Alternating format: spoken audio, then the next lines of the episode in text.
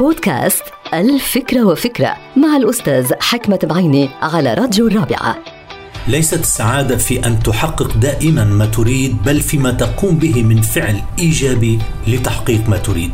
بمعنى آخر السعادة بتجي من خلال اللحظات الجميلة اللي بيشعر فيها الإنسان هو عم بيشتغل على تحقيق ما يريد. هي مجموعة عناصر متكاملة في الأسلوب الإيجابي والطريقة السليمة والغاية الشريفة اللي بيسعى من خلالها الإنسان إلى تحقيق ما يريد.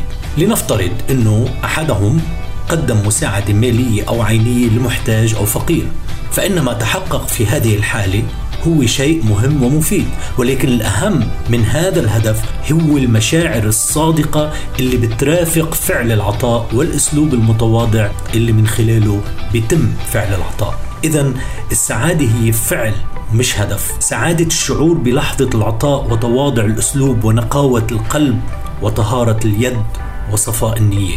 خلينا ناخذ مثل آخر له علاقة بالنجاح الهدف من النجاح عند البعض هو الوصول إلى أعلى المراتب وتبوء أعلى المناصب والحصول على المال والجاه والسلطة. أما النجاح بالنسبة للبعض الآخر هو الطريقة الأسلوب للوصول إلى تلك المناصب والحصول على المال.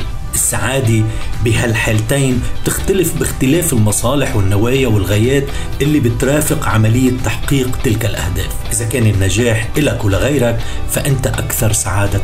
وإذا كان النجاح لمصلحتك ومصلحة مجتمعك أنت أكثر سعادة. نعم إن السعادة لا تقاس فقط في الهدف بل في الغاية أيضا. انتهت الفكرة.